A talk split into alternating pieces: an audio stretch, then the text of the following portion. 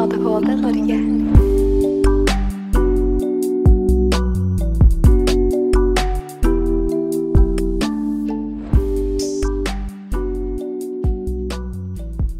Mennesker med ADHD er sårbare for avhengighet.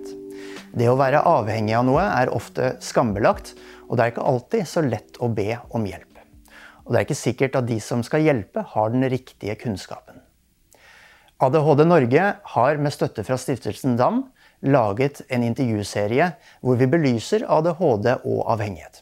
Og vi ser nærmere på rus, mat og spillavhengighet. Kari Lossius, du er eh, psykologspesialist. Hva er eh, avhengighet?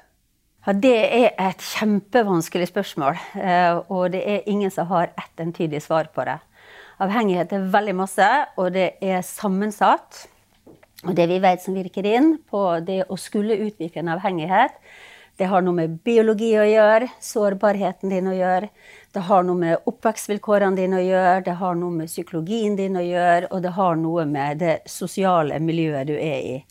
Så det er sammensatt, og det er sånn at vi bruker å si at det er også veldig sosialt urettferdig. Eh, de som, Veldig ofte er det sånn at de som hadde en dårlig utgangspunkt, en dårlig start, er også de som får problemer. Og så vet vi det at ingen av oss er eh, vaksinert mot å ikke få en avhengighet, eller en rusavhengighet, eller en patologisk avhengighet. Og så vet vi det at det er heller ikke hvem som helst som får det. Og så er avhengighet noe positivt. Sant? Det å være avhengig av andre mennesker, det er vi jo nødt til for å kunne overleve. Så vi er biologisk laga for avhengighet. Problemet er når den avhengigheten kommer på villspor, og vi blir ikke avhengig av kjærester og venner lenger, men av rusmidler, av spill, av mat og sånn type ting. Da har du et problem. Så en liksom må skille mellom den gode avhengigheten og den kompliserte avhengigheten. Og, og det som, vi, som, blir problematisk når den blir komplisert. Så, men det er veldig sammensatt. Og så vet vi at eh, sånn, altså, halve boka er skrevet ved fødselen. I gamle dager så trodde vi at liksom alle er født likedan og alle har liksom samme utgangspunkt. og sånn, Det vet vi ikke er tilfellet. Så vi vet at noen av oss er mer sårbare.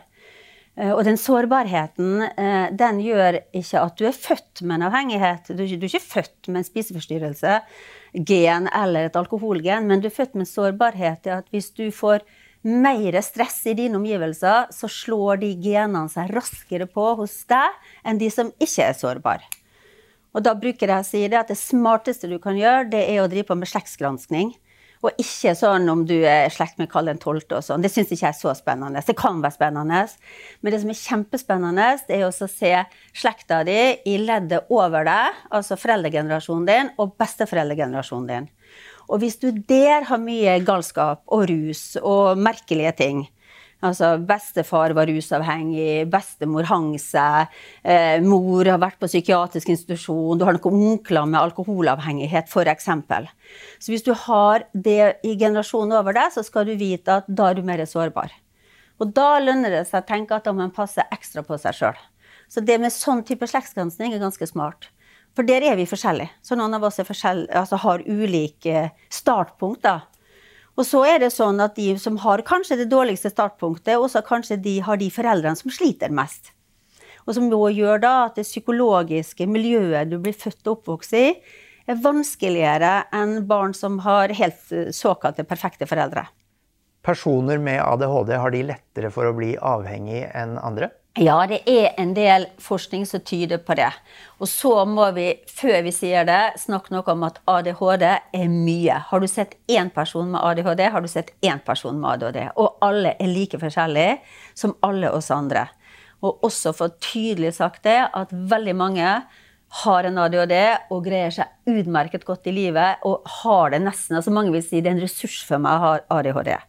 Og så er det liksom på andre sida av skalaen der det begynner å bli mer negativt. Sant? Der ADHD-en blir så uh, si, gjennomgripende, krevende for deg, at uh, hele hodet er fullt av kaos. Jeg har pasienter som beskriver at det er, liksom sånn, det er som å ha 1000 bier oppi hjernen samtidig. Eller som jeg sa, det er som å ha 100 ulike TV-skjermer inni hjernen, og alle står på samtidig på hver sin kanal.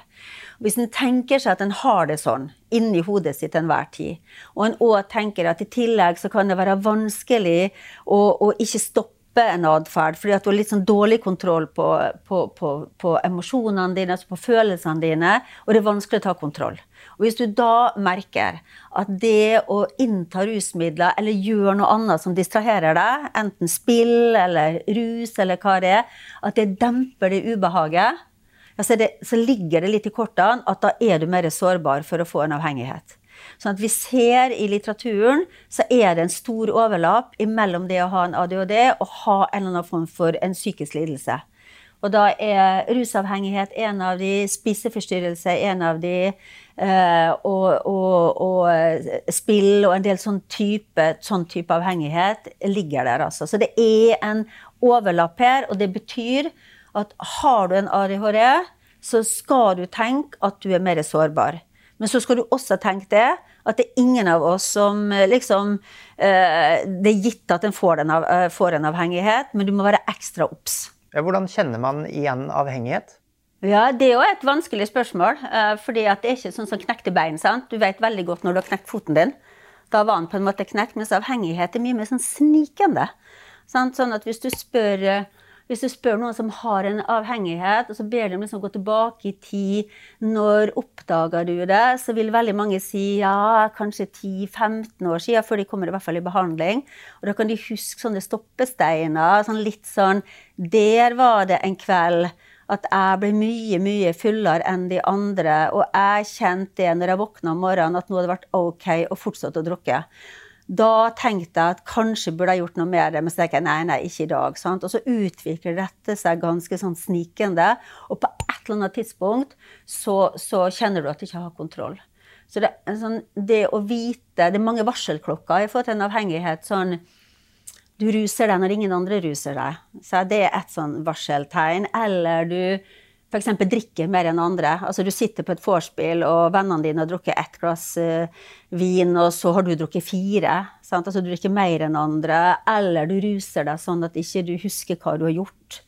Våkner neste morgen har lyst til å ruse deg. Eller kanskje aller viktigst, at vennene dine eller de som er rundt deg, påpeker at nå, nå Kari, nå er det for mye. Så det er jo sånn at venner passer på hverandre og liksom korrigerer hverandre sin atferd, er kjempeviktig. Det er et veldig godt forebyggende tiltak. Når blir avhengighet et problem, da? Det er når aktiviteten du gjør, eh, er skadelig. Du, altså den, den, har negative konsekvenser. Det gir ingen glede mer. Eh, du bare gjør det, blir mer sånn tvangsprega. Eh, du får mindre Altså, du, du får mer sånn tunnelsyn. Du, eh, du, får mindre hensyn til omgivelsene rundt deg. Og det blir en sånn sterkere drive på å fortsette å gjøre noe som egentlig er skadelig. Så, så det kan en kjenne. sant? Og, og, veldig mange vet at ta er ikke bra, men jeg greier ikke å stoppe likevel. Eller at en tenker eh, ja, nå har jeg hatt en pause på tre dager, så nå kan jeg prøve bare litt. For så å se at det blir nesten helt umulig å, å stoppe. Eller at det er med å dempe følelser. Altså en, en spiseforstyrrelse er jo ikke stort sett trøbbel med mat, men det er trøbbel med følelser. Kan man være avhengig av flere ting på en gang? Ja, og det er jo noe av problemet. Sant? Hvis du først har fått én avhengighet, så øker det sjansen for en annen avhengighet. Så hvis du ser Jeg har hatt pasienter med en ADHD, kvinnelige pasienter som sliter med en ADHD. Og så tror vi at de bare hadde en rusavhengighet. Og så blir de lagt inn til behandling, og så blir de rusfri, og så vips altså Det går liksom sekunder, så utvikles Så oppdager en at det er en alvorlig spiseforstyrrelse under. Og så kan en tenke at nei, det var også en del sånn spilleavhengighet. Så de henger sammen. Det er, det er, liksom de samme tingene oppi hjernen som på en måte blir trigga. Så det er heller ikke så rart at hvis du har én avhengighet, så du, kan du få flere. Ja, hvorfor, er det, hvorfor, er det, sånn? Nei, fordi at det er oppi, altså Vi er jo sant, sant, vi er laga for avhengighet. Så vi er jo laga for at oppi hjernen så skal vi, når vi blir trigga på bestemte hjerne, plasser i hjernen, så skal vi si 'yes, dette liker jeg'. Sant? Hvis du da har sex, eller hvis du har nærhet, så skal, så skal vi synes at dette er godt. For hvis ikke så får vi jo ikke reprodusert oss og komme videre i verden. Og det er jo derfor vi er laga og født inn i verden. Det er jo for å overleve og for å reprodusere oss, ikke for noe annet. Ikke for å bli psykologer og intervjuere og sånn. Det, det, er for at vi skal, bli, vi skal, vi skal føre arten videre. Så vi er biologisk laga for at den delen av hjernen der liker å bli stimulert. Og det er den samme delen i hjernen altså Litt sånn forenkla så kan du si at rus okkuperer den delen av hjernen som er laga for kjærlighet og tilknytning. Og da er det jo sånn at når hjernen da slipper på en måte å tenke sjøl, liksom kan du si altså sånn, den slipper å produsere all den dopaminen sjøl, men får den utenfra, fra, fra, altså utenfra tilført, så vil jo hjernen si stilig, nå gjør ikke jeg noe mer, mer nå bare avventer jeg mer eh, sånn innførsel utenfra. Og så overtar på en måte rusen den biten av hjernen. Så det er sånn, eh, Hvis en har sett en del rusavhengige, så sier de ja, de bryr seg ikke om ungene sine, og de bryr seg ikke om noen og sånn. Og på en måte er det litt rett, men det er helt feil. fordi det betyr at ikke, når hjernen på en måte er tatt opp av rus, så er det ikke plass til noe mer. Og rus er sterkere drivkraft enn tilknytning. Så Derfor er det sånn at når du først har fått en avhengighet, så er det så vanskelig å bli kvitt den. Hvordan blir man kvitt den, da? En blir kvitt den med eh, Altså, det vi vet det aller viktigste, det er at en først Altså, forebygging er det aller viktigste. At en ikke får det i det hele tatt. Det er det aller viktigste. Og det betyr at en hvis en vet at en er en risikoperson, at en passer på seg sjøl, tenker på seg sjøl, forsøker å få til et liv som er med Vi vet at gode venner, eh, vi vet at gode oppvekstvilkår Og her har jo storsamfunnet en kjempe kjempeansvar i at alle barn skal ha det like bra. Eh, og at vi skal passe på at de risikofamiliene, som vi alle vet hvem er, skal få ekstra bistand og hjelp. Og så, hvis du har utviklende en avhengighet, så er det veldig smart å be om hjelp. Og det vet vi at terapi virker. Og vi vet at eh, det er litt sånn opp og ned, og noen kan få tilbakefall og sånn, men for de aller, aller fleste så virker behandling. Så hva erstatter man da avhengigheten med, om det ikke er en ny avhengighet? Ja, og da man erstatter med vennskap, eh, sosiale relasjoner, eh, fysisk aktivitet, eh, begynne å ta del i det sosiale livet, bli vanlig menneske. Det er den erstatter det. Men egentlig så er det jo sånn at vi alle har det best som vanlige mennesker. Og det er en gradvis prosess for mange å begynne å tenke at jeg er verdt noe. Eh, folk kan, kan, være glad i meg, det går an å være sammen med meg, det stemmer at folk kan like meg. Og, og det er jo, hvis du tenker at du fra du var bitte liten trodde at ikke du var betydningsfull, fra du bitte liten hadde svære traumer med elendige oppvekstvilkår, dårlig skole, og der du hele veien har tenkt at du har ingen verdi, så tar det litt tid å forandre deg. Eh, men det går an å forandre det. Og da er det sånn at gode relasjoner er det beste medisinen du kan ha. På hvilken måte? Nei, fordi at igjen, vi er laga for avhengighet. Sant? Sånn at, at, hvis jeg da i, har hatt det ille, og jeg får verdens beste kjæreste, eller jeg får en god terapeut, eller jeg får en klok lærer, eller jeg har en god tante, altså noen som bekrefter meg at jeg har verdi, så er det det aller beste du kan gjøre. Hvor lang tid tar det å bli kvitt avhengighet? Nei, du skal ikke bli kvitt avhengighet, så da tar det et helt liv, for å si det sånn. Eh, I forhold til behandling så varierer det veldig.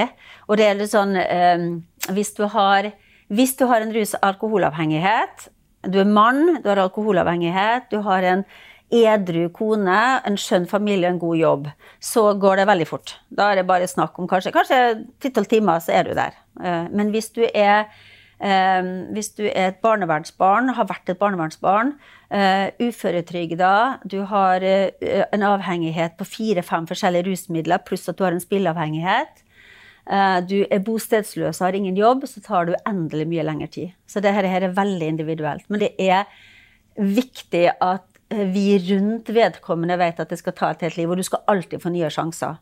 Og så er det sånn at noen kommer ikke til å bli kvitt det, og det skal de få lov å leve med. Hvordan påvirker eh, avhengighet omgivelsene og de, de, pårørende? Veldig mange ganger så er det jo sånn at det er nesten tøffere for omgivelsene. Eh, og det er jo ikke sånn at rusavhengighet eh, skader levera di først. Den skader jo de sosiale relasjonene du har. Sånn at, og, og, og, det er viktig å vite at både det å være pårørende er en enorm belastning, og så må pårørende vite at de er den beste ressursen for den som har et, en avhengighet. Det er ingen som kan påvirke noen til å få en bedre livsførsel og få kutta rusavhengigheten sin, f.eks., enn pårørende. Så de er kjempeviktige eh, når en behandling settes i gang. Det er kjempeviktig den informasjonen de gir. Og så er det viktig for mange at en også får hjelp eh, for sin egen del. Og så er det igjen det der at hvis du som pårørende tidlig greier å gi beskjed, du var for full i går. Jeg vil ikke mer. Hvis du fortsetter sånn som ta, jeg vil ha en diskusjon på det. Altså at med den samtalen knytter det opp til seg sjøl og sier noe om din bekymring. Som handler om at fordi at jeg er fryktelig glad i deg, fordi at du betyr mye for meg, så kjenner jeg at jeg blir så urolig. Og jeg syns det er så vanskelig når vi er ute, og det og det skjer. Sånn at, og dine følelser kan jo ikke noen si at nei, de stemmer ikke. Sant? Så det å ta utgangspunkt i seg sjøl når en skal ha den der vanskelige samtalen, med det for øye at her ønsker en en endring, det, det er et godt tips. Så ikke diagnostisere og si nå har du et rusproblem. Eh, for da møter du masse motstand. Men mye mer den der at eh, jeg kjenner at jeg er redd for deg, og det kan godt hende jeg tar feil, men kan vi snakke om det? Men det er jo et uh, nokså skambelagt område, dette her. Ja, og Er ikke det rart at du helt klart kan dra på et sykehus med et hjerteinfarkt og legge det ut på Facebook, og du får masse røde roser? Mens hvis du sier at nå har jeg fått en rusavhengig og at jeg er innlagt på en klinikk, så er det siste du sier, det er at du forteller om det. Og det er det veldig merkelige, at det skal være så mye mer skambelagt. At du skal ha en avhengighet uh, enn at du har uh, en, en hjerte-karsykdom, f.eks. Eh, så det er, og det med, med, avhengighet er kanskje den siste sånn skambelagte eh, tema som finnes igjen omtrent i, i Helse-Norge. Og det er veldig forståelig at det er sånn, for det er ikke noe mer mystisk å ha en avhengighet enn å ha noe annet. Har ingenting med vond vilje å gjøre, har ingenting med dårlig moral å gjøre, har ingenting med å være svak å gjøre. Det, det handler om en regulering av følelser som er vanskelig å håndtere. Og det har vi alle sammen. Og så er det sånn at det er, noe, det er ikke noe, spesielt med folk med avhengighet. De er akkurat likedan som meg av det. Du hører nå på ADHD Norge.